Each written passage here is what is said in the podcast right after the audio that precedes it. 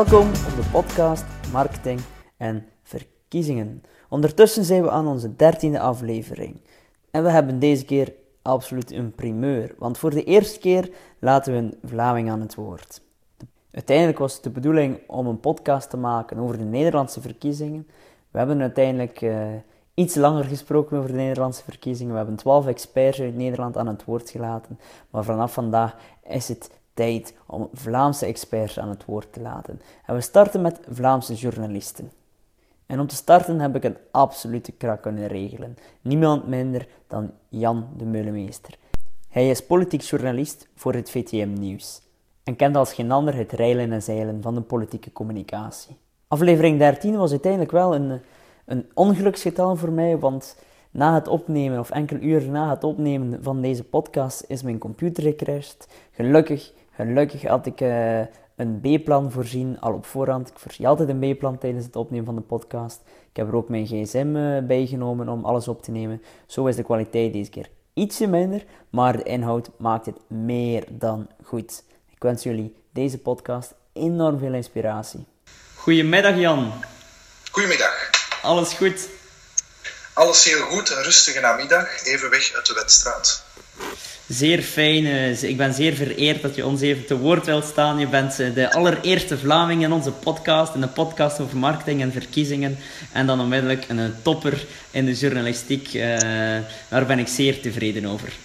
Dat is te veel lof, maar ik ben heel blij, want nu na die Nederlandse verkiezingen zijn de belangrijkste en meest interessante verkiezingen natuurlijk bij ons het komende jaar. Twee verkiezingen aan elkaar. Dus daar valt veel over te zeggen. En zeker op het vlak van ja, waar jij mee bezig bent en uh, hoe die verkiezingen zullen gevoerd worden. Dus ik denk dat we dit gesprek uh, op het goede moment voeren. perfect, perfect. Jan, ik heb uh, onlangs een zeer interessant opiniestuk van jou gelezen. het ging over welke impact sociale media op de journalistiek hebben uiteindelijk. En um, ja, wat is jouw mening daarover? Want ik heb enkele pittige quotes gelezen. Dus ik ben wel even benieuwd hoe jij daar nu over denkt. Wel, uh, het is heel boeiend wat er aan de gang is, hè, want uh, het evolueert ook heel snel. Uh, maar neem nu als voorbeeld uh, Twitter, zoals dat nu een uh, vrij belangrijk medium is geworden in specifiek mijn verslaggeving, de wedstrijdverslaggeving. Dus als we daarover spreken, ehm, wat er nu gebeurt is dat de productietijd tussen ehm, de registratie van een nieuwsfeit, er gebeurt iets, het wordt gefilmd, en de redactionele afhandeling en uitzending ervan, het gefilmde feit komt gemonteerd op televisie in een verslag. Normaal zit daar een zekere productietijd tussen. En die wordt alsmaar ingekort. Um, dat is al het geval omdat je uh, om het uur radioverslaggeving hebt. Ook met de vele live televisieverslaggeving is de tijd tussen het nieuwsfeit en de uitzending ook al geslonken. Maar goed, wat je nu met sociale media en als Twitter hebt, is, en dat is filosofisch interessant, door Twitter is in de politiek de deadline van het nieuwsfeit het nieuwsfeit zelf geworden. Dus de tijd tussen de registratie van een uh, politiek belangwekkende quote, die je filmt met de iPhone, terwijl de camera ook draait, maar parallel met de iPhone, de tijd tussen die politieke quote en de uitzending ervan is nu geslonken tot enkele seconden. Omdat je die quote ook met de iPhone filmt en meteen via Twitter uh, in het debat gooit. Ja. Dat is een kwestie van uh, uh, 30 seconden. Ja, en, Vroeger een mooie... zouden wij een quote filmen bij de start van de ministerraad. We gaan met die tape of met die chip naar een zendwagen, we monteren dat, het wordt naar de redactie gestuurd en dan wordt het op de website geplaatst. Wel, er zit een tijd tussen van pakweg een uurtje of een half uur. Wel, in die zin zijn websites een oud en traag en archaïs medium geworden. Het snelle medium is nu Twitter in de wedstrijd meteen online de belangwekkende quote. En uren later komt het dan op televisie, op de reguliere uitzending. Maar dan is de quote al, um, zit hij al in de media. Mhm. Dus interessant, het, uh, het, de deadline van het nieuwsfeit is het nieuwsfeit zelf geworden. Ja. En uh, hoe je het ook verwoordde in het artikel was, een journalist is het als het ware de historicus van de dag. Ja, inderdaad. Ik ben zelf historicus. En dan uh, kijk je naar dat deel van het verleden wat je vak is en proberen de feiten naar belangrijkheid in te schatten en te duiden. Ik doe eigenlijk nu hetzelfde op dagbasis. Mhm. Ehm, elke dag gebeuren er politieke zaken. Het is te zeggen, er worden zaken beslist en gezegd. Ehm, en wij moeten in heel die stroom van politieke nieuwsfeiten een keuze maken, um, een inschatting maken. Wat is belangrijk, wat niet. Um, wat overstijgt het, het, het, het, banale. En dat moeten wij dan op geëikte momenten uh, voor onze kijkers brengen en ook duiden en uitleggen. Eigenlijk ben je de historicus van de dag. Je brengt de politieke geschiedenis van die ene dag van gisteren, 21 augustus. Wat is er toen in de politiek gebeurd? Het is hetzelfde als een historicus die zegt: wat is er gebeurd in 1958 met het schoolpact? Een zeer, mooi, zeer, leuke, zeer leuke vergelijking. En, um, de kracht van sociale media is tegelijk ook de zwakte, zeg je. Um, ja, is dat dan omdat het zo snel gaat en we uiteindelijk veel sneller zaken vergeten ook? Of bedoel je dat dan nog iets anders? Wel, um, als het uh, op het echt redactionele, strikt journalistieke vlak is er het risico, houdt snelheid een risico in. Snelheid is een deugd in ons vak, een must ook, maar uh, snelheid mag niet ten koste gaan van kwaliteit. En omdat in, um, in die sociale media, omdat in Twitter politics het allemaal zo snel gaat, ja, loop je wel eens het risico dat je een uh, foutje publiceert. Um, al is het maar een te beginnen bij een schrijffout. Ik vermoedde van mezelf gisteren bijvoorbeeld dat ik een dt-fout had gemaakt. Het was nu niet zo, maar het kon wel. Soms gaat het heel snel. Ja. Tot ook een inhoudelijke fout. Het is mij ook al overkomen dat ik in een tweet, het gaat allemaal snel, je zit midden die gebeurtenis en meteen breng je verslag uit over die gebeurtenis.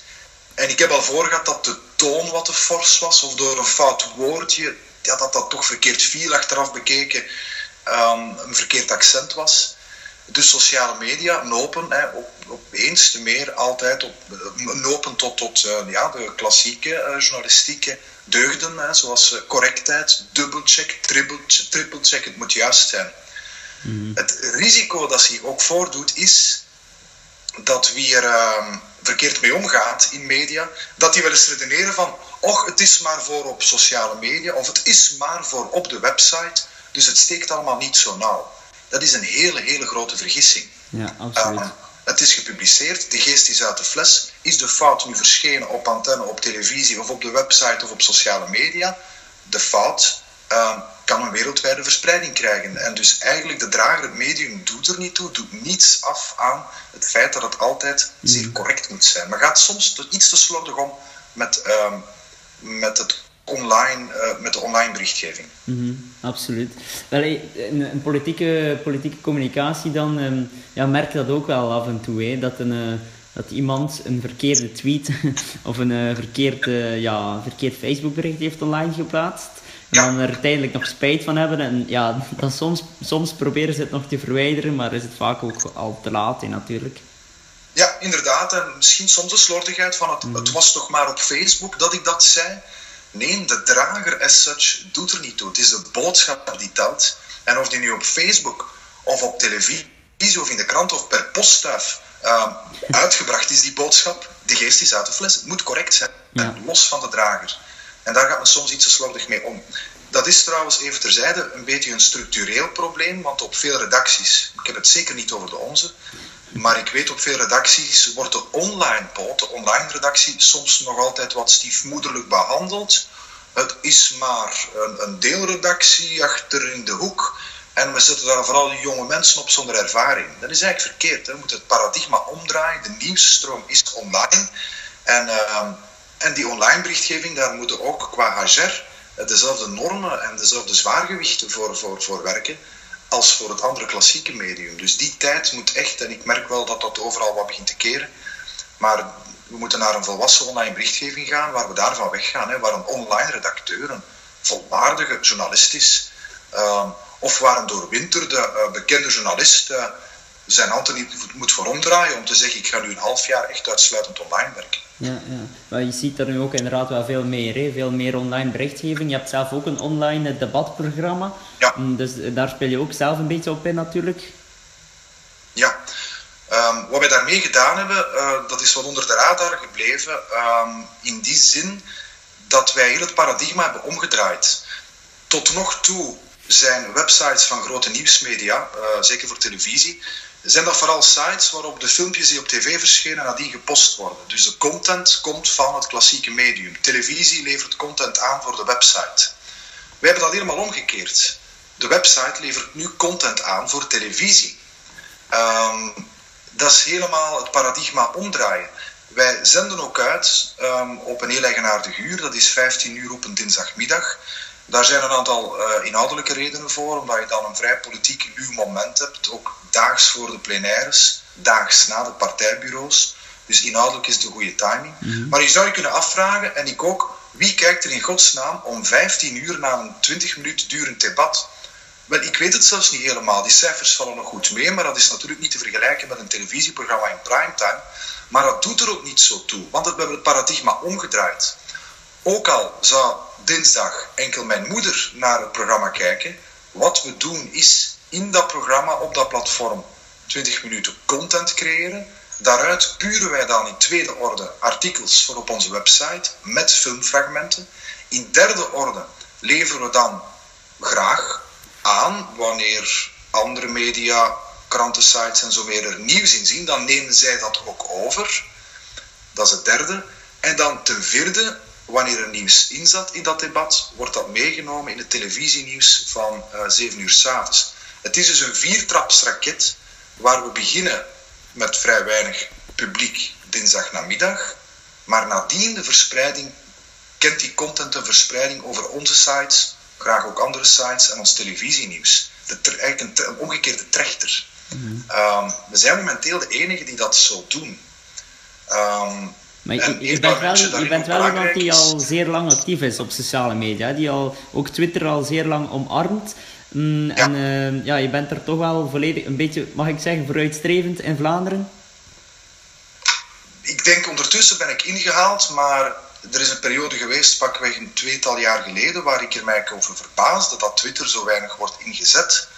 Um, in de wedstrijd door collega's, maar ook door politici. Um, terwijl het een, uh, een, zeer handig en interessant medium is. Maar ondertussen uh, is Twitter druk bevolkt uh, door uh, de wedstrijdpers en door politici. Mm. Maar ik was daar vrij vroeg mee toen, inderdaad. Ja. Het mm. verbaast me een beetje dat anderen niet sneller op die kar sprongen, ook partijen. Wat, wat ik zelf het gevoel heb bij Twitter is dat het wat verzadigd is. In die zin dat je als, want ik krijg ook vaak die vraag van politici die nu nog actief willen worden op Twitter. Dan, dan adviseer ik hen vaak van steek je tijd er niet meer in, omdat het zeer moeilijk is om er nu nog uit te springen. Vroeger, ik heb trouwens mijn bachelorscriptie geschreven over Twitter en politieke communicatie in Vlaanderen. Ik heb uh, onderzocht welke tactieken het meest succesvol zijn voor Vlaamse politici op Twitter. En ik heb er ook een heel stuk uh, geschreven over inderdaad journalistiek en hoe journalisten daarmee omgaan. En toen had je wel nog veel progressiemarge, of toen had je wel nog de kans dat je persbericht of dat je je kon profileren als nieuwkomer op Twitter. Maar nu heb ik wat het gevoel dat er zoveel communicatieconcurrentie is op Twitter, zoveel politici zijn op Twitter, dat je eigenlijk nu als nieuwkomer bijna niet meer gezien wordt door, de, door dan jouw, uh, jouw doelgroep dan zijn de, de kiezer en de, de journalisten. Ja, het is wel waar. Het uh, Twittercafé zit vol. Hè. Mm-hmm. Ondertussen, um, en ik herinner me de tijden waar u de oud-gedienden had, uh, zoals een Vincent van Quickenborne, een Bart Tommelijn, politici die vroeg mee waren met die sociale media. Um, en die hebben nog altijd wat dat aura van de echten, de oud-gedienden, de mannen van het eerste uur. Je hebt nu inderdaad het probleem dat er uh, tien parlementen op Twitter zitten. Um, vroeger was het vrij bijzonder als je een parlement, ik spreek nu over een pak, pakweg vijf jaar geleden, als je zag, ik kijk eens aan, een parlementslid die op Twitter zit, ik ga die volgen. Ik denk ondertussen dat ik niet meer alle parlementsleden volg. Um, dus uh, ja, het is uh, moeilijker om er uniek mee te zijn. Hè. Plots heeft iedereen het. Ik heb trouwens ook ooit eens heel de telling gedaan. In de aanloop van de vorige verkiezingen, uh, waar ondertussen bijna iedereen al een Facebookpagina had. Twitter was vrij dun bevolkt. Ik zou het nu eens willen tellen, of misschien weet jij het. Ja, ja ik heb het, uh, ik heb het uh, voor, voor, de, voor, het Vlaams parlement gedaan, ja, recent. Uh, eigenlijk gewoon om te, een stuk te prospecteren, hoor. ja, en, ehm, en het verbaasde mij echt, het verbaasde mij ja, hoe weinig Vlaams parlementsleden nog een, of al een Facebookpagina hebben. Um, het is, ah, toch weinig. Ja, ja, ja, toch weinig, toch weinig. En degenen die dan een Facebookpagina hebben, is niet om te zeggen dat dat uh, um, technisch of strategisch echt uh, super is. Laat het zo zeggen. Ja, zo de, ja, sommigen uh, hebben ja, je hebt er die gewoon eigenlijk een, een visitekaartje van maken. Ja, ja, Naam, ja, ja. leeftijd, foto. Mhm. Ehm, weinig inspirerend. Ja, ja. Ik, ik- Net zoals je ook hebt die eh, ja, inspiratieloos tweeten. Hè? Dus eh, Mhm. het gewoon eh, twitteren van eh, doortweeten van een website, van een artikel of van een persbericht. Ehm, maar waar niks authentiek of waar nergens een politiek merk rond hangt. Twitteren Mhm. om er maar bij te zijn, ja, dat, gaat, dat, dat, dat verdwijnt volledig in de massa. Ja, absoluut. En eh, daar is denk ik dat veel politie nog, ehm, ja, gewoon alle, allee, veel mensen, hoor, niet enkel politie, nog, nog in, in missen, is dat ze denken dat sociale media nog steeds de heilige gralen zijn. Dat, dat sociale media nog steeds een, eh, ja, een tool is die hen super belangrijk en super eh, populair zal, eh, zal maken. Maar dat, dat is het natuurlijk niet. Ik heb eh, in mijn bachelorproef dus een eh, stuk geschreven over, over de, de ja, ontdekking van eigenlijk Alexander de Croo, toen nog eh, zoon van. En eh, eigenlijk heeft. En ja, je hebt daar een reportage over gemaakt, juist ja. Eh, Klopt, inderdaad, Ja, ja. ik nu herinner ik het weer, ja. want daar heb Ja, ik, ter eh, nog voor ter zake. ja, ja, ja, klopt. Ja. Dat, eh, dat er, zijn tweet, het, we mogen het ehm, regeerakkoord niet herleiden tot een vodje wc-papier, heeft Ja, er eigenlijk voor klopt. gezorgd dat hij ja, wat bekend is geraakt en zo ook voorzitter, allee, een stuk voorzitter is geworden. Ja, ja, hij herkent dat ook. het is nu lang geleden, maar hij herkent Mm. dat ook. dat Twitter hem, voor hem een instrument was om boven het maaiveld te kunnen uitsteken. Mm. En meer te zijn dan de zoon van zijn vader. En inderdaad, door die belangwekkende tweet over de grondwet, ehm, liep hij, zat hij plots in de kijker en volgde daags nadien, ik herinner het mij nu, een race van artikels. eh, omdat journalisten de zoon van Herman de Croo hadden ontdekt, die eh, blijkbaar een forse mening had, en hij stond in de krant. Ja, ja, ja. Dus eh, dat is voor hem een, een, eh, een accelerator geweest. En hij is dat ook, eh, herkent dat ook. eh, En dus, eh, ja. ja, nu de, de succesverhalen van u, die zijn, allee, deze succesverhalen zijn volgens mij niet meer mogelijk. Ook het enige wat je nu nog kan doen op Facebook is het zodanig, of op Twitter is het zodanig verknallen dat je ook in de media komt, maar dan niet in een acceleratie, maar in het tegendeel, in het tegenovergestelde Ja, dat is waar. Ik zeg altijd, het is helemaal niet moeilijk om in het nieuws te komen. Ja, ja. Je kan binnen een uurtje nationaal nieuws zijn. De vraag is altijd de manier waarop natuurlijk. Ja, ja, ja. Dus er zijn er ehm, die, eh, ja, er zijn wat politieke mindere goden misschien, wie we enkel nog eh, kennen eh, via een foute tweet soms. Dus. Mhm. En het blijft je achtervolgen. Hè. Dus, eh, het, ehm, maar het klopt inderdaad, hij kon daar, wat je zegt, hij kon daar toen nog ehm, bovenuit schieten. Voor hem was het echt een accelerator. Vandaag de dag is het eh, moeilijker, moeilijker, maar goed. Allee, de technologie biedt ondertussen weer veel nieuwe andere mogelijkheden ehm, om uit de band te springen. Hè. Dus, ehm, maar ik wacht soms een beetje inderdaad op een kwantumsprong. Zo. Eh, we kennen nu de kracht van Twitter. Kijk naar de Amerikaanse president. Maar ik ben benieuwd naar eh, andere media die gaan ontwikkeld worden en die zich gaan aandienen. En waar we binnenkort aan de slag kunnen, die we ons nu nog niet kunnen inbeelden. Ja, ik, ik denk zelf dat de, dat de Vlaamse verkiezingen, en ja, het vooral, of de volgende verkiezingen vooral op Facebook zullen plaatsvinden. En ook een stuk Instagram. En daar zal het wel, allee, ik denk dat niet, geen andere kanalen nog eh, echt gaan, eh, gaan boomen. Facebook neemt ook een mo- monopolie op alles. Dus zoals Snapchat, ja, Ja, die, die ja. zijn nu ook een stuk aan het verliezen door Instagram. En ook naar, naar Snapchat toe is het voor politici zeer, zeer beperkt naar eh, return on investment. En, eh, terwijl Instagram is zeer makkelijk natuurlijk. En je hebt een hele makkelijke manier, of je kan op een hele makkelijke manier adverteren op eh, Instagram. Charlie Michel heeft nu trouwens een, recent een account aangemaakt. Ah, ook, ja, inderdaad. Ja, ik, Ja. ik ken eh, Theo Frank ook eh, goed bezig op Instagram, Ja, dacht ik. ja. Ja. Ja, Charlie Michel is, ik heb daar een, eh, een- we hebben daar een blogbericht over geschreven. Hij is zeer goed bezig wel. Hij heeft daar echt wel een, denk, allee, waarschijnlijk wel een team op opgezet. Die doet het zeer goed. Theo Frank, ja. Eh, nee, Charlie Michel. De Ah, de premier. premier, ja, inderdaad. Ah, dat is tof, ja.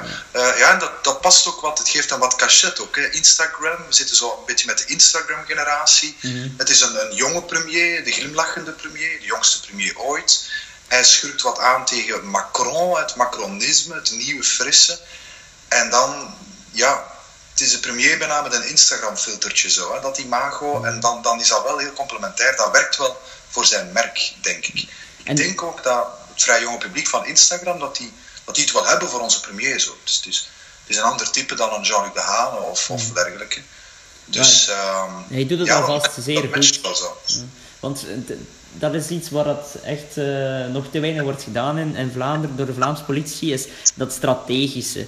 Het, het, gaat puur over het informeren. Ja, opnieuw naar dat persbericht zijn. Ze zien Facebook of Twitter of Instagram meer als een kanaal om hun persberichten wat op te vers, verspreiden. Maar ze, ze, brengen zeer weinig beeld achter de schermen. Ze brengen zeer weinig emoties naar voren.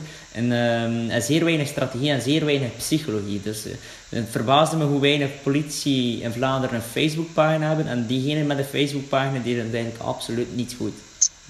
Ja, de inerte pagina. Ik denk, uh, ik treed u bij in die analyse. Dat er ik noem dat altijd een beetje een vrij onvolwassen gebruik van sociale media. Um, en ik vind een good practice is daar Theo Franke. Uh, want je verwijst bijvoorbeeld naar af en toe een stukje, een blik. Je moet, je moet dat publiek ook soms binnen, denk ik, een, merk dat je, een politiek merk dat je goed moet uitdenken. En binnen dat merk moeten ook wat marges zitten waar je af en toe eens een tipje van de sluier tilt. En dat doet Theo Franke consequent. Je krijgt wel eens inzage in zijn stukje van zijn familieleven. Zijn boodschappen zijn, um, gaan over beleid, maar zit ook vaak een stuk eh, emotie bij, die men als authentiek ervaart. Um, ik vind dat hij een van de beste voorbeelden is. Um, hij doet dat ook proactief. Um, hij zelf, en ik denk in bijzonder de NVA het meeste, begrijpt dat hij met Facebook en sociale media ja, een nieuw kanaal heeft om het publiek te bereiken en waarmee, doen partijen natuurlijk graag, waarmee ze klassieke media kunnen omzeilen en niet meer door die filter. Um, maar je moet dat consequent doen. Um, mensen die, ik bedoel, ja, je politiek merk. Als politicus sta je in de dorpstraat en in de wedstraat. Je zou je moeten bewust zijn van wat je boodschap is, wat is je missie. En ik heb het niet over zomaar platte marketing. Het gaat over wat is het politieke vuur? Waarom doe je dat? Waarom ben je een leider? Wat wil je veranderen? Dat is het politieke merk. Um, en dat wordt uitgedragen in de dorpstraat, in de parochiezaal tot in de parlementen. Maar dan op sociale media doen ze zich vanaf met een foto en ergens leeftijd, adres. Nee, je moet daar dat merk ook consequent uitbouwen. Daar moet ook tijd in gestoken worden. Je moet daar s'avonds tijd voor maken om netjes daar ook je politieke verhaal in de markt te zetten. En niet zomaar een persbericht posten. Dat is dood, dat is inert, dat is saai. Ehm, nee, je moet tonen dat, dat, dat daar moet ook het politieke vuur branden. Mhm. En niet denken op, uh, op de pensenkermis van de partij. Um, ook die sociale media. En dat wordt te weinig gedaan. Um, ja. Of slordig tweeten, of mm. consequent tweeten. De ene keer wel, de andere keer niet. Ik denk dat je een consequent merk moet uitbouwen via die sociale media. Prachtige tool om het te doen hè, van thuis uit. Dus, ja. uh, ik ben blij dat je het zegt, want uh, dat is iets dat ik uh, vaak moet, mag, of vaak mag herhalen. Is ja, dat... en ik, merk, ik werk nu ook voor enkele ja, grotere namen en zij, ja, hen moet je de debattechniek niet meer leren. Die kennen de, de kneepjes van het vak, laat ik maar zeggen. Maar ja, sociale media lukt, is precies toch iets anders. Uh, heel, heel bizar, heel bizar. Maar um, dan, hoe gaan jullie om dan met, met Twitter? Omdat ook zegt van de, de partijen proberen een stuk de traditionele media te omzeilen. Ja, is dat dan voor jullie niet vervelend?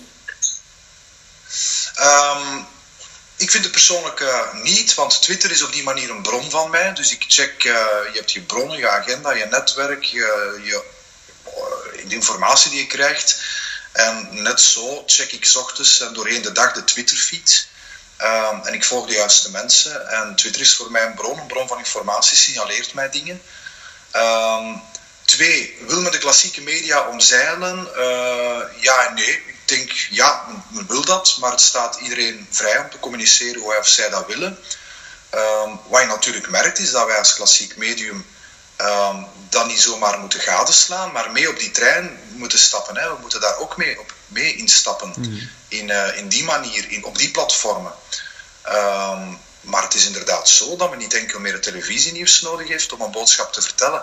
Partijen zeggen mij dat ook. Hè. Politici uh, vertellen mij ook dat ze thuis op het partijbureau een eigen studiootje uitbouwen om van daaruit als het ware nieuwsberichten uh, te maken. Het Vlaams Belang is daar recent mee bezig, dus op hun hoofdkwartier een, ja, een kleine studioruimte uh, waarmee ze zelf hun nieuws kunnen brengen, uh, rechtstreeks. Ehm, niet, niet met een redactie ertussen die wij zijn. Maar dat is denk ik de levendige democratie. Ik denk dat wij uh, als moderne journalisten er toch wel vrede mee mogen hebben dat we niet eenmaal het monopolie hebben op informatie, want dat is ook niet gezond. Er is een enorme democratisering van de informatie.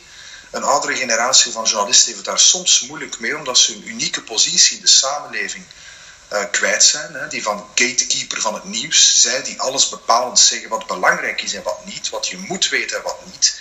Ja, die rol zijn we kwijt natuurlijk als, als, als groot medium. Um, dat is al even aan de gang, maar is nu enorm geaccelereerd de voorbije twee, drie jaar. Ja goed, ik denk dat zit een enorme uitdaging in en dat werkt ook als je daar zelf mee op uh, instapt. Er is dus- inderdaad iets uh, dat ik uh, wel merk, in, in, ja, goed, niet alleen in de Vlaamse media, maar ook in de Amerikaanse en de Nederlandse media, is dat, je, dat niet altijd um, enthousiast wordt onthaald wanneer een politicus of politica zich uh, actief met sociale media bezighoudt. Ik herinner mij nog de eerste keer dat meneer, minister Tommelijn een advertentie op Instagram had geplaatst.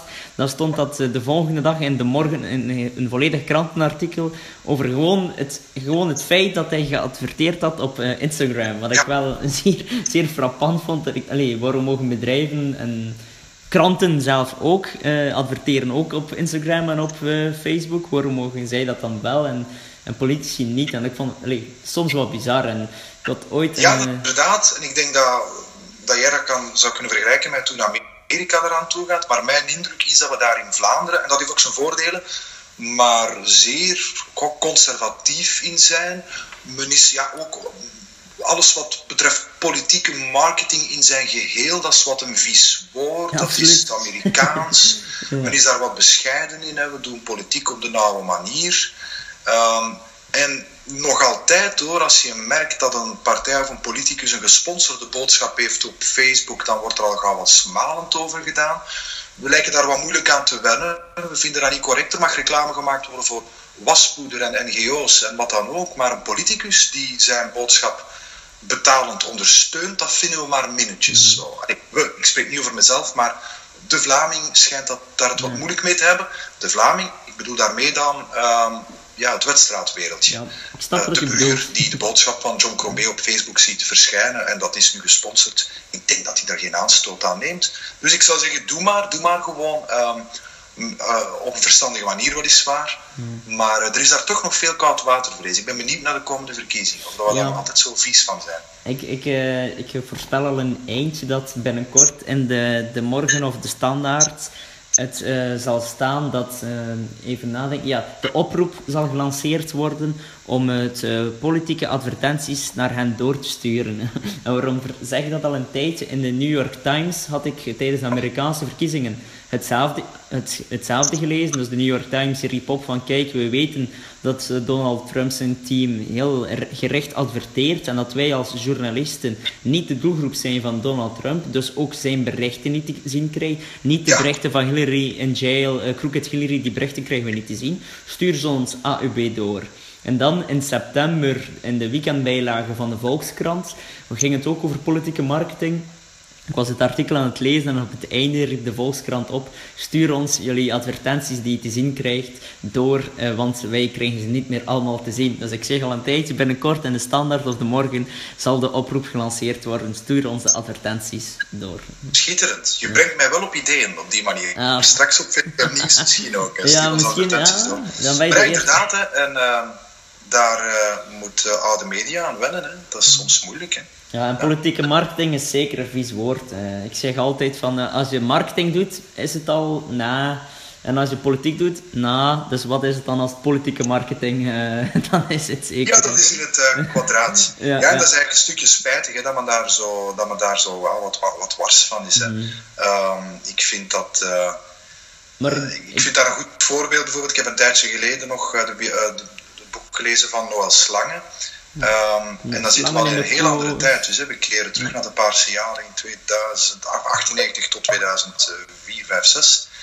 Maar daar zag je, vind ik, politieke marketing op regeringsniveau wat volwassen worden. Hij was ook meer dan een woordvoerder. Dat was ook iemand, dat was een spindokter. En, en dat was iemand die een, een, een, legitiem draagvlak creëerde voor het uh, Paarse project. En dat was politieke marketing ten voeten uit. Ja, absoluut. Um, maar ik vind dat niet per definitie slecht.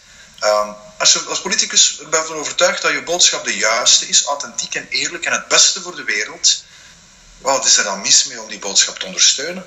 Mm dat is het boek Slangen in de coulissen, hè? De, de, de autofabrikant die ervan overtuigd is dat zijn wagen de beste is voor iedereen, voor een bepaald publiek, die, die gebruikt die middelen ook. Waarom mag je dat niet doen met ideeën? Wat is er mis met ideeën? Ja, maar ja, dat is een beetje de, wat je zegt, de antipolitiek plus het woord marketing, dat is uh, het kwaad in het kwadraat dan. Dus. ja, dat was het boek Slangen in de coalitie, hè? Of, uh, coalitie, zeer interessant. Ja, ja, ik heb het ook gelezen, ja. En uh, wat, ik heb ehm, ook al meneer Noah Slangen gecontacteerd om ook even te interviewen voor de podcast. Zeker doen, ja, ja, zeer interessant. Um, en... Um, dan waarom ik denk dat politieke marketing op zich wat een slecht imago heeft, is ja, omdat we vooral kijken naar ja, zeer controversiële verkiezingen, zoals in Amerika. Of zoals in uh, de UK, waar het eigenlijk altijd wel draait om een tweestrijd, waardoor dat de strijd ook bitsiger is. En marketing is wel een Amerikaanse term, en dan denken we vaak aan toestanden zoals Donald Trump, maar uiteindelijk, ja, politieke marketing is op zich niet, ja, is, ja sommige technieken zijn wel, zullen wel overgenomen worden, maar op zich, het systeem in Amerika is helemaal anders dan in Vlaanderen. Dus politieke marketing is ook helemaal anders in Amerika dan in Vlaanderen.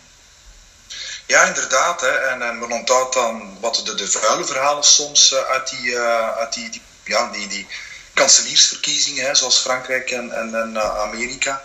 Maar ja, dat is maar één element dat eruit springt. Maar die politieke marketing is, is ja, het botst soms wat met het idee van de zuivere ideologie en het, eh, de zuiverheid van het politieke verhaal. Uh, het wringt wat wanneer men eerst naar een doelgroeponderzoek uh, gaat doen en dan in functie van die doelgroep een boodschap gaat vertellen.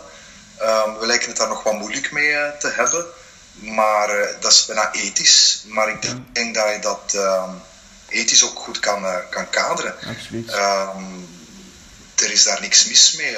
Het is ook wat je schrijft. Hè. In, in, Amerika tellen de numbers, het meten is weten. En dan je publiek aanspreken. Dat gebeurt hier nog, uh, nog vrij weinig. Men doet wel, uh, bestelt wel peilingen, maar vrij klassiek bij ons. Dat gaat dan vaak wat over kiesintenties, ingedeeld dan in tien sociale groepen. maar het zeer gericht gaan, gaan marktonderzoek doen. Hè. De politieke marktonderzoek, de ideeënmarkt dat gebeurt hier nog vrij weinig. In Nederland ook veel meer. Men weet daar bijna van buurt tot buurt wie wat stemt. Het komt nog overeen ook. Ja, ja want ik heb samen gezeten met die, eh, de eerste podcastaflevering ging, over, uh, ging daarover. was uh, samen met Politieke Academie. Zij hebben inderdaad een tool ontworpen. Mm, Frank van, meneer Frank van Dalen, zij hebben een tool ontworpen die eigenlijk kan voorspellen in welk huis wat voor politieke keuze wordt gemaakt.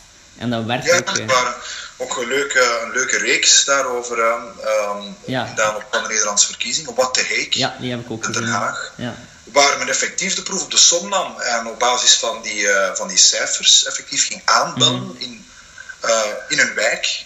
En die stem, die kiesintentie kwam effectief overeen.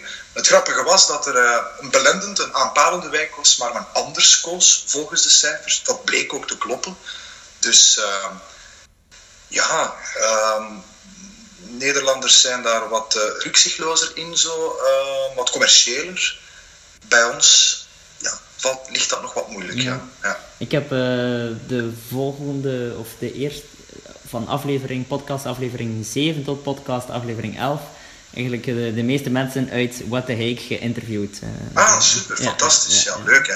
Goed, goed, goed, goed goed gebracht ook, goed verteld. Ja, zeer, zeer, zeer, mooie reeks. Zeer mooie reeks. Ja, zeer mooi. Um, voor een breed publiek denk ik uh, zeer intrigerend. Mm. En mag ik uh, nog even terugkeren op je online debatprogramma? Ja. Um, is, een, uh, online, of is een online debatprogramma anders dan een gewoon debatprogramma, omdat je misschien dan meer de fragmenten uithaalt en dus ook anders moet debatteren, of is dat toch te vergelijken met elkaar? Eigenlijk niet. Uh, we kunnen het vergelijken. Um, de volwassen manier waarop we daarnaar gekeken hebben, is ook door te zeggen. Um, je moet opletten voor de neiging dus uh, van ach, het is maar voor internet, het doet er allemaal niet zo toe. Nee, we hebben meteen gekozen voor een uh, ja, wat we noemen premium product. Uh, premium studiokwaliteit. In alle opzichten kan dit ook op klassieke televisie uitgezonden worden. Dit beantwoordt aan alle kwaliteitsnormen. Dus dat wat het vormelijke betreft, is dat niet anders. Je kan hiermee zo op, op klassieke televisie. Um, wat het inhoudelijke betreft, ik denk dat we op televisie hetzelfde zouden doen. Uh, Uh, dat is een kwestie van hoe lang duurt het, wat is het tempo. Um, wat wel zo is, is um, vanuit die uh, internetcontext, online context, hebben we wel de intentie gehad om het programma redelijk snedig en snel te maken. Dus geen al te badinerende gesprekken, maar meteen vrij scherp naar de kern van de zaak. Uh, vrij scherp ook zoeken meteen naar de contramine, om ook binnen die tijd vrij snel dus duidelijk te maken wat de twee ideologische opties zijn van de twee respectievelijke politici aan tafel. Um, dus de scherpte en de snelheid is afgeleid, uh, wordt een beetje gedicteerd door het medium. Dat is wel zo. Mm. Snedig en dus uh, in die zin wel. En wat zijn de belangrijkste debattechnieken volgens jou? Um, at random, um, als het gaat over specifiek zo televisiedebatten of beelddebatten, denk ik, uh, het is heel simpel, het klinkt banaal, maar je moet voor jezelf als politicus berekenen hoeveel tijd dat je hebt om aan het woord te komen. Vaak is dat minder dan um, intuïtief aangevoeld. 20 minuten debat kan veel lijken. Wauw, 20 minuten.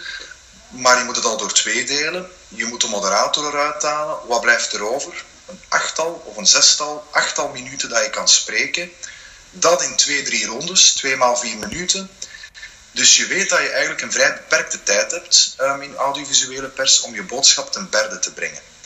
Een ander voorbeeld, beter, is bijvoorbeeld een uh, lijsttrekkersdebat voor een programma als Pakweg de Zevende Dag weet dat het pakweg 20 minuten duurt, dat je met vijf aan tafel zit, 20 gedeeld door 5, is 4 minuten maximale spreektijd, moderator eraf halen, 3 minuten spreektijd.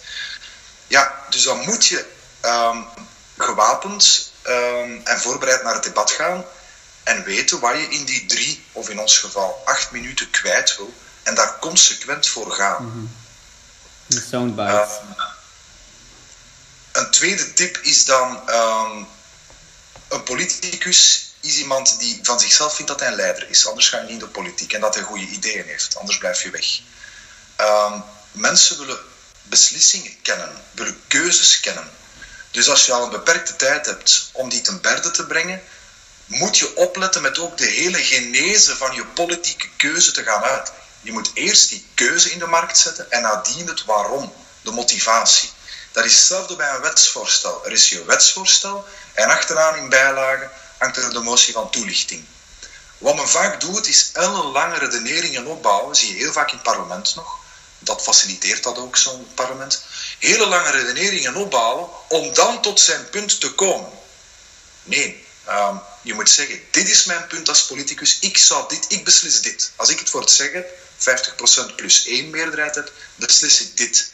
En dan in een debat, indien nodig, naar het waarom gaan. En ik zie vaak het omgekeerde. Een politicus komt naar een debat, begint ellenlange redeneringen op te bouwen met eigenlijk een kennis die iedereen al meedraagt, begint een toelichting te geven en kan uiteindelijk zijn punt niet maken en keert van een kale reis terug en iedereen vraagt zich af, wat heeft hij nu eigenlijk gezegd? Okay. Dus uh, timing berekenen, mm -hmm. boodschap uh, goed overdenken, duidelijke kernboodschap, pitchen noemen we dat, je moet iets pitchen. Ja, een soundbite. Ja.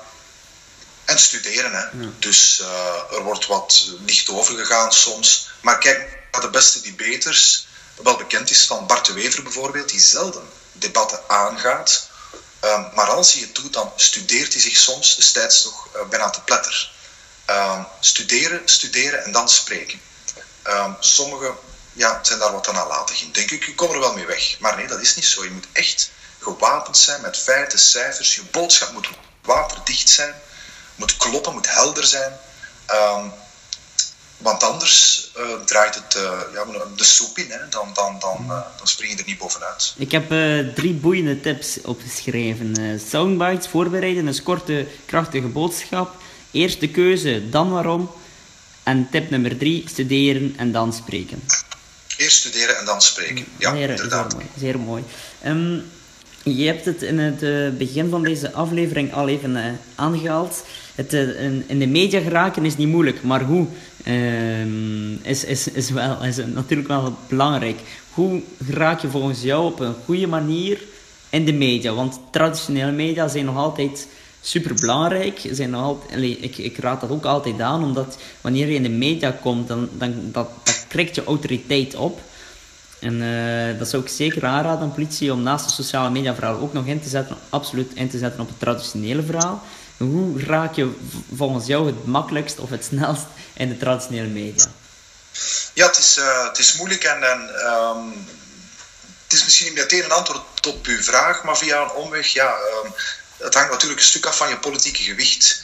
Um, ik bedoel daarmee, ik ken wel wat frustraties die leven bij veel parlementsleden, omdat zij niet uh, kunnen doorstoten tot grote media. Het is inderdaad zo dat hoe groter je politiek gewicht, uh, ja, hoe makkelijker je in de media geraakt. En politiek gewicht, dat betekent in ons bestel dat je um, een functie hebt die uitvoerend is, minister, of bijvoorbeeld fractieleider en zo meer. De andere stoten moeilijk door. Um, het tweede is dat klassieke media, uh, sorry, dat media in het algemeen, ook het publiek en terecht, vrij gericht zijn op het beleid, vrij beleidsgericht zijn. Um, wij zijn heel benieuwd naar beleid, naar dingen die beslist worden en die het concrete leven van mensen van alle dag zullen veranderen.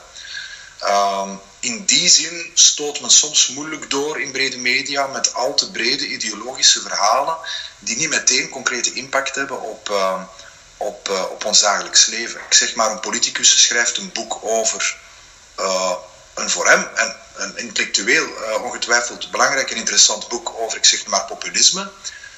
Ja, en is dat wat misnoegd omdat dat niet door brede media wordt opgepikt, terwijl inderdaad de kwestie populisme van groot belang is. Maar ja, dat is dan maar uh, voor degenen die dat willen lezen. Media zijn vaak ja, gericht op het concreet, op het beleidsgerichte. Dus uh, dat wou ik maar even schetsen als, als, uh, als context die het moeilijk maakt voor parlementsleden om door te stoten. Mm -hmm. Maar ik denk, ehm, qua tipsia moet je een goed en hardwerkend parlementslid zijn, die ehm, een, consequent ook politiek merk heeft. Hè. Ik zou mensen ook aanraden om te specialiseren waarop die dan op basis van hun kunde en hun specialiteit op termijn een goede band kunnen creëren met een aantal journalisten, aanvankelijk als bron of de record achter de schermen, maar met de tijd ook vaker worden opgevoerd als politieke expert. Op die manier zullen ze ook door hun partij in de markt gezet worden als expert op dit of een ander thema. Um, dus specialiseren is een tip. Hard werken, specialiseren, een, een autoriteit worden. Het hangt ook wat af van welke specialisaties, want sommige uh, zijn meer mediageniek dan andere. Maar neem nu iemand die pakweg in de commissie uh, volksgezondheid zit, die zal lang nu de pers niet gehaald hebben, maar de voorbije weken wel, omdat er een eiercrisis was. Plots wordt die opgepikt, dat parlement zit, en zit hij in alle brede nationale media. Omgekeerd, politici die bezig zijn met het thema uh, veiligheid, antiterreur, radicalisering, die halen nu vaak de pers. Maar enkele jaren geleden niet. Dat was ergens een commissie in de marge, niemand was daarmee bezig. Dus je moet ook een beetje de tijdsgeest en de geschiedenis en de actualiteit mee hebben. Maar ja, dat geldt voor iedereen. Dus ik denk dat je het onderscheid moet maken door uitmuntend te zijn in je vakgebied. Mm. En dus ook, nogmaals, consequent werken aan dat politiek merk. Um, en, en, en, duidelijk en helder communiceren mm. en voorstellen doen in dialoog met de, met de partij en de fractie voorstellen doen die zeer concreet zijn, waar mensen iets mee, waar mensen mee weg kunnen. Wat ik vaak, uh, wat ik vaak politici aanraad, is, is een, een personal branding statement te maken. En twee of drie zinnen kunnen zeggen wie je bent en eigenlijk je enkel en alleen bezighouden met die twee of drie zinnen. En niets anders communiceren die niet Klopt. binnen dat statement past. Want als je alles wilt zijn in de politiek, ben je uiteindelijk niets. Klopt, dat is waar. Niemand kan alles zijn. Hmm. Um, en ook al ben je alles, ja, ik denk inderdaad dat is dat, dat politiek merk. Mm. Wat is je kunde? Wie ben je? Wat, wat is jouw keuze als leider voor ons? Hoe ga jij mijn leven veranderen? Wat kan jij voor mij doen? Vraag ik als burger. Ja, want um, leiderschap de... is super belangrijk in het politieke beslissingsproces. En, uh, ik heb daar ook een uh, aflevering over met uh, professor leiderschap. Ze heeft dat ook gezegd van ja, het is super belangrijk om je echt als een bekwaam leider. En er is ook heel veel onderzoek al gedaan, politiek-psychologisch onderzoek dit is, super, het is gewoon echt een van de belangrijkste zaken. Ja, neem daar weer uh, Theo Franken als voorbeeld. Um, voordat hij uh, staatssecretaris werkt, maar het een heeft te maken met het andere, kon je hem als parlementslid in twee woorden samenvatten, Tim, inhoudelijk. Migratie, Koningshuis. Dat was Theo Frank. Migratie, Koningshuis. Daarover werd hij geïnterviewd, werd hij opgevoerd. Door net daar ook zich in te bekwamen en een stem te worden, is hij ook staatssecretaris geworden van. Ja. En Beetje, niet, van, van, niet van digitale agenda. Of Ja, een beetje van hetzelfde als eh, Christophe Calvo met energie. Eh, die ook altijd, eh, als het rond energie ging, altijd werd geïnterviewd. En zo eigenlijk op heel korte termijn als jonge politicus zeer snel veel aandacht heeft gekregen. Ja. En daar zit ook nog, is nog heel wat werk voor de boeg voor partijen. Ze doen hun best. Maar het gaat dan over parlementaire fracties, en zeker grote fracties, neem nu de meerderheidspartijen. Men moet erin slagen om alle parlementsleden eh, consequent te laten casten op hun thema's. Eh, men doet dat ook meer en meer. Dus ik merk meer en meer wanneer wij eh, een politieke reactie vragen, en waar je denkt, ja, we hebben eigenlijk liefst de fractieleider. Ehm, neem nu hè, het gaat over veiligheid. Dan ga je misschien de fractieleider willen horen, Servet Verherstraten. Maar dat is dat eh, de fractiewoordvoerders nu toch eh, vaak zeggen: ja, nee, we schuiven echt wel dit specifiek, dit parlementslid naar voren, want het is zijn eh, domein of haar domein en die worden daarop gecast. Dus men werkt daar wel aan. Ehm, Wat, en op die manier, soms ook moeilijk om dat te verdelen. Hè? Ja, er zijn fracties in het Vlaams parlement waar de, binnen eenzelfde fractie drie mensen bezig zijn met onderwijs, waarvan de ene met het lagere, de ander met het middelbare en de ander met het hoger. Dat is moeilijk, hè? dat wordt moeilijk. maar ja, dat heb je dan aan de hand met grote fracties. ja, dus, ja, goed. een luxe probleem dan, denk ik, eh, voor, eh, voor die politieke partijen. Ja, we Maar, hebben heel veel politici, het is geweten bij ons. Hè. Ja. Dat maakt het die individuele politici ook niet makkelijk hè, om er bovenuit te steken. Als je de portefeuille onderwijs in, in, in drie parlementsleden, of verdeelt over drie parlementsleden, ja, ja, ja, ja. Probeer er maar eens verschil te maken op 1 september. Iedereen en alle partijen schreven met hun P-leden, parlementsleden, om wat aandacht voor hun eh, onderwijsvoorstellen. Maar dat is wel een hele grote groep op den duur. Hè. Ja. En, en spelen sociale media ook een rol in, ehm, in het feit of je al dan niet in de media komt, in de traditionele media? Ja, inderdaad. Hè. Dus die sociale media zijn een megafoon voor individuele politici. Ehm, mensen kunnen... Het is een beetje een café waar, eh, waar wedstrijdjournalisten en politici en opiniemakers en, eh, en mensen zoals u ook, hè, dus allemaal samen zitten en elkaar volgen. En ehm, via een, eh, een goed getimede, interessante, belangwekkende tweet word je opgemerkt door eh, journalisten van massamedia en krijg je misschien even later de telefoon. Dat is al vaak zo gebeurd. Ik geef het voorbeeld gisteren, Elio Di Rupo, die zijn boek lanceert, maar ons eigenlijk in de voormiddag, ochtends al heeft opgewarmd via zijn Facebookpagina met een heel hip ehm, Instagram-achtig filmpje. Ehm, daarmee eh, trok hij de aandacht van mezelf, van de hoofdredactie. En op die manier eh, stonden de cameraploegen in de namiddag eh, naar hem te luisteren toen hij zijn boek voorstelde waar het eigenlijk om ging. Mhm. Dat is een zeer mooi voorbeeld, uiteindelijk wel. In eentje die nog niet zoveel in Vlaanderen. Nee, die- nee. Ja, misschien wel de, de ronde van Gwendoline Rutte, misschien een beetje wel, met ook een mooie video. Eh, Ja. Zij heeft dat ook wel wat uitgespeeld op sociale media, maar ja, ook niet echt op die manier. eh. Mm, Ja, ik had ehm, sociale media gewijs iets meer verwacht van die ronde van Gwendoline ja, ja, ja, is dat Ik misschien vraag me af of daar niet meer potentieel in zit.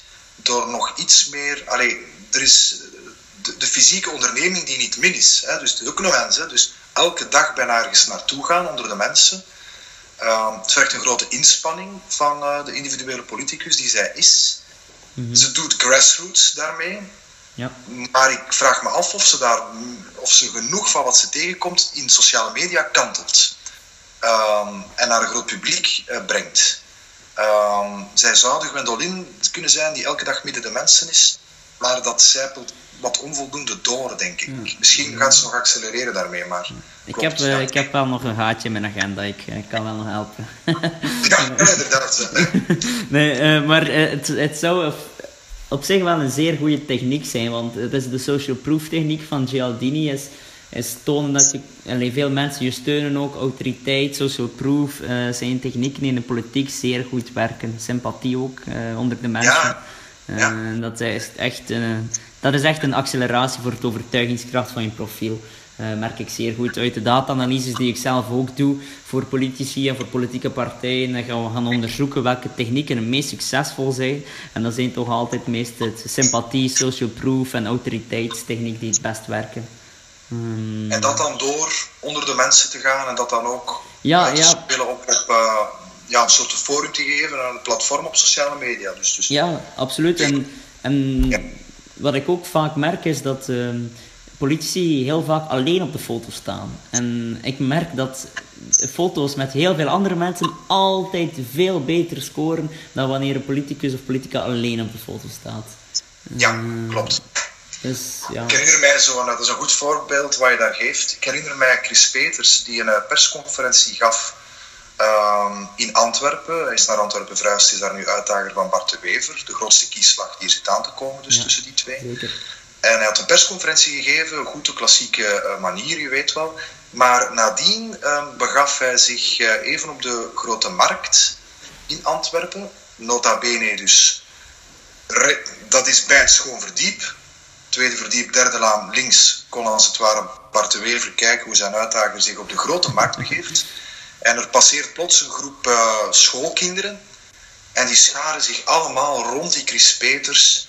En dan natuurlijk gingen de fotocamera's flitsen en de camera's. Ja. En dat is een heel sterk beeld. Die politicus, zeker met kinderen, kinderen scoren. Ja. Eh, Ook online, ook jonge online. mensen, aspirationele mensen Ja. scoren. Rond die Chris Peters, dat gaf hem bijna een halo-effect, een aura rond hem. En dat dan in de schaduw van het schoolverdiep waar de kiesdag zal gevoerd worden. Mhm. Het was als het ware zeggen, ik heb hier het volk mee en ik sta voor uw deur. Ja. Hannibal Antaport, Anteportes, sta klaar om de zaak over te nemen. En alle jonge mensen juichen mij Ja, toe. zeer mooie framing. Zeer mooie framing, absoluut. Ehm, je moet even, ehm, eh, want we gaan stilaan afronden, maar je moet Ja. even ehm, de Facebookpagina van eh, Macron bekijken. Ik heb nu recent een e-book geschreven over, ehm, over Macron zijn campagne ook. Ah, dat ga ik lezen, super Ja, ja, interessant. ja, dus ik, eh, ik zal het doormailen, maar je kan het ook voor de luisteraars downloaden op, eh, op mijn website, gratis. En, eh, maar ik zal het nog doormailen. En is de Facebookpagina van Macron, zijn omslagfoto, is echt een foto precies of hij een wereldster is. Dat allemaal mensen selfies proberen te nemen, dat hij omringd is met bodyguards, super populair. Echt het frame van de, Mr. Popular. Eh, zeer, allee, iets, iets zeer mooi. En Donald Trump net hetzelfde. En eh, Jesse Klaver net hetzelfde. En ik heb weer een... Ja, ja, dat zie je bij ons niet, hè? Nee, absoluut niet. Haast niet, hè? Nee, ik heb daar, eh, ben daar een blogberichtje over aan het schrijven. Dus, dat is de social proof techniek en het primacy effect. Dus de eerste indruk en social proof. Dus de sociale bewijskracht in één. En eh, mega krachtig. Want als mensen voor de eerste keer op je pagina komen en dan onmiddellijk zien: wauw, wat een populaire politicus. Dan, eh, ja, dan, dan is het nog wel vaak dat we de groep volgen en dat we ook denken: aha, dan is het waarschijnlijk inderdaad, zoals het Halo-effect ook zegt, een goede politicus. En eh, dan gaan we erop Ja, stemmen. en dat is, men zal dat niet eh, letterlijk zo benoemen. Vaak zal men zeggen van op het bewuste niveau, hè, het, het, het, de twee breinen die we hebben, zal men zeggen van ach, hij heeft daar geposeerd met jonge mensen om zich heen. Maar die first impression op het onbewuste niveau Ja. geeft een gevoel van, van populair, betrouwbaar, ehm, eh, interessant. Hier wil ik bij horen. Bij het, ik wil eigenlijk bij de club horen als Ja. kiezer. Ja. eh, dat heb je zo wat, hè. kiezers willen bij een bepaalde club horen. Ja, dat is het in-groep effect. Ehm, Ja. Ja, absoluut. En dat werkt bij zo'n eh, dat werkt bij zo'n foto's. En men gaat automatisch een aantal kwaliteiten toedichten aan die politicus, als die er ook nog eens eh, netjes op staat ook op de juiste manier. Mhm. Eh, geen gênante pose. Ehm, en dat is vrij sterk en een vrij sterk effect zien we ook eh, bij kiezers, ook bij een televisie of een beeldpubliek speelt dat effect heel fors. En dat, dat, net Ja. daarom is het zo raar dat, dat er zo weinig wordt gedaan, want er is zoveel mogelijk naar, naar overtuiging, naar framing toe op sociale media. Eh, zeker naar inderdaad naar dat onbewuste. En, en wat dat ook vaak wordt gedacht bij onbewust, is dat het precies ja, tovenarij is of zoiets. Ik, ik, zeg, ik, heb, dat, ik heb samengezeten met het marketingteam van Donald Trump en we hebben daar eh, in Washington DC wel even over, over gelachen. Is dat we soms moesten we in de middeleeuwen leeuw- eh, leven dat ze een eh, steen rond onze enkels zouden doen en in, de, en in het water gooien om te kijken of we nog zouden drijven. Soms ja, ja, ja, dat- ja. dat is het een beetje. Hè. De alchemisten achter de ja, schermen. ja, ja, maar dat, dat is gewoon ja, Sommige psychologie. woordvoerders noemen ook wel eens eh, de Rasputins. Dus daar hangt zoiets aan vast van. Oei, die proberen met nudges ons ja, brein te beïnvloeden Mhm. en zo meer. Terwijl het is van alle tijden. Ik was zeer gecharmeerd door uw opmerking dat je mensen aanraadt om marketingboeken van de jaren 50 te lezen. Ja, absoluut. absoluut. Omdat het inderdaad van alle tijden is, mhm.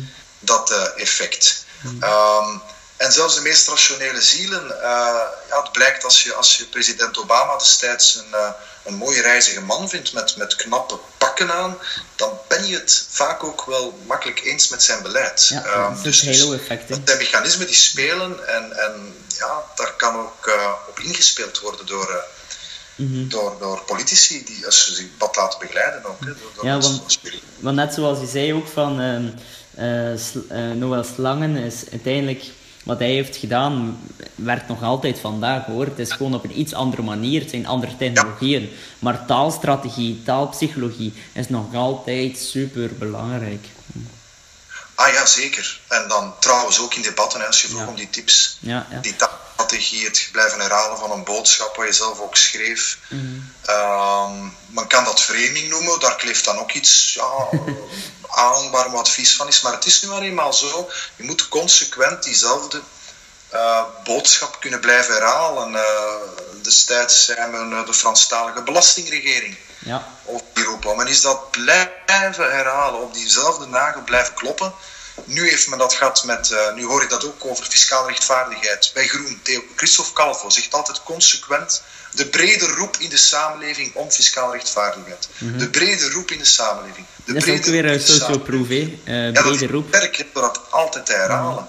Uh, fiscale rechtvaardigheid, het concept op zich, wat, wat een gedrocht van een woord hè, onder ons. Ja. Fiscale rechtvaardigheid. Maar CD&V is dat zo hard consequent blijven uitdragen dat je op den duur niet meer omheen kan als coalitiepartner. Want iedereen is voor rechtvaardigheid. Dat is zoiets als wereldvrede. Ja, die boodschap had zich zo door die taal, dat talige, dat altijd herhalen, zich zo in de geesten gezet, dat ook ja, in weerwil van de geesten rijp waren en dat je wel iets moest doen in die regering vorige maand over fiscale rechtvaardigheid.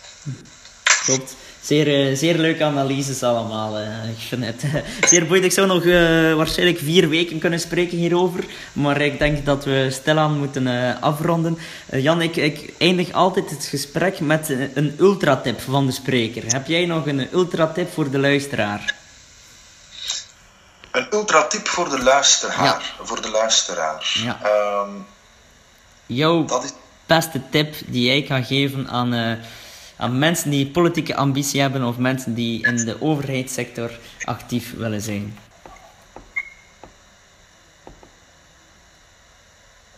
Of altijd eerlijk, altijd eerlijk zijn. Altijd eerlijk zijn. Dat Niet makkelijk. banaal, maar uh, je moet maar eens kijken naar soms verwrongen politieke redeneringen waar men eigenlijk ja, iets verkeerd wil framen of iets uit de weg wil gaan terwijl een eerlijke, heldere boodschap soms je ook kwetsbaar opstellen uh, geweldig werkt. Uh, nooit liegen. Je mag wel zwijgen, maar nooit liegen. Een hele, hele mooie om mee te eindigen. Uh, hartelijk dank Jan. Ik heb um, heel veel opgeschreven. Het was zeer aangenaam en uh, ik ben blij dat ik een van je heb kunnen spreken en ik vond het zeer aangenaam. Insgelijks, vond het een zeer aangenaam gesprek. Het is boeiend dat we nu uh, allebei een beetje naar die verkiezingen kunnen kijken. Ja. Wat zich allemaal gaat afspelen. Ik ben heel, heel benieuwd. Uh, en ook waar jij dan mee bezig zal zijn natuurlijk. Ik stuur je nog het uh, e-book rond de campagne van Macron. Oké, okay, okay, tot de volgende. Nee, was Andijken, dankjewel. Tot later. Ciao.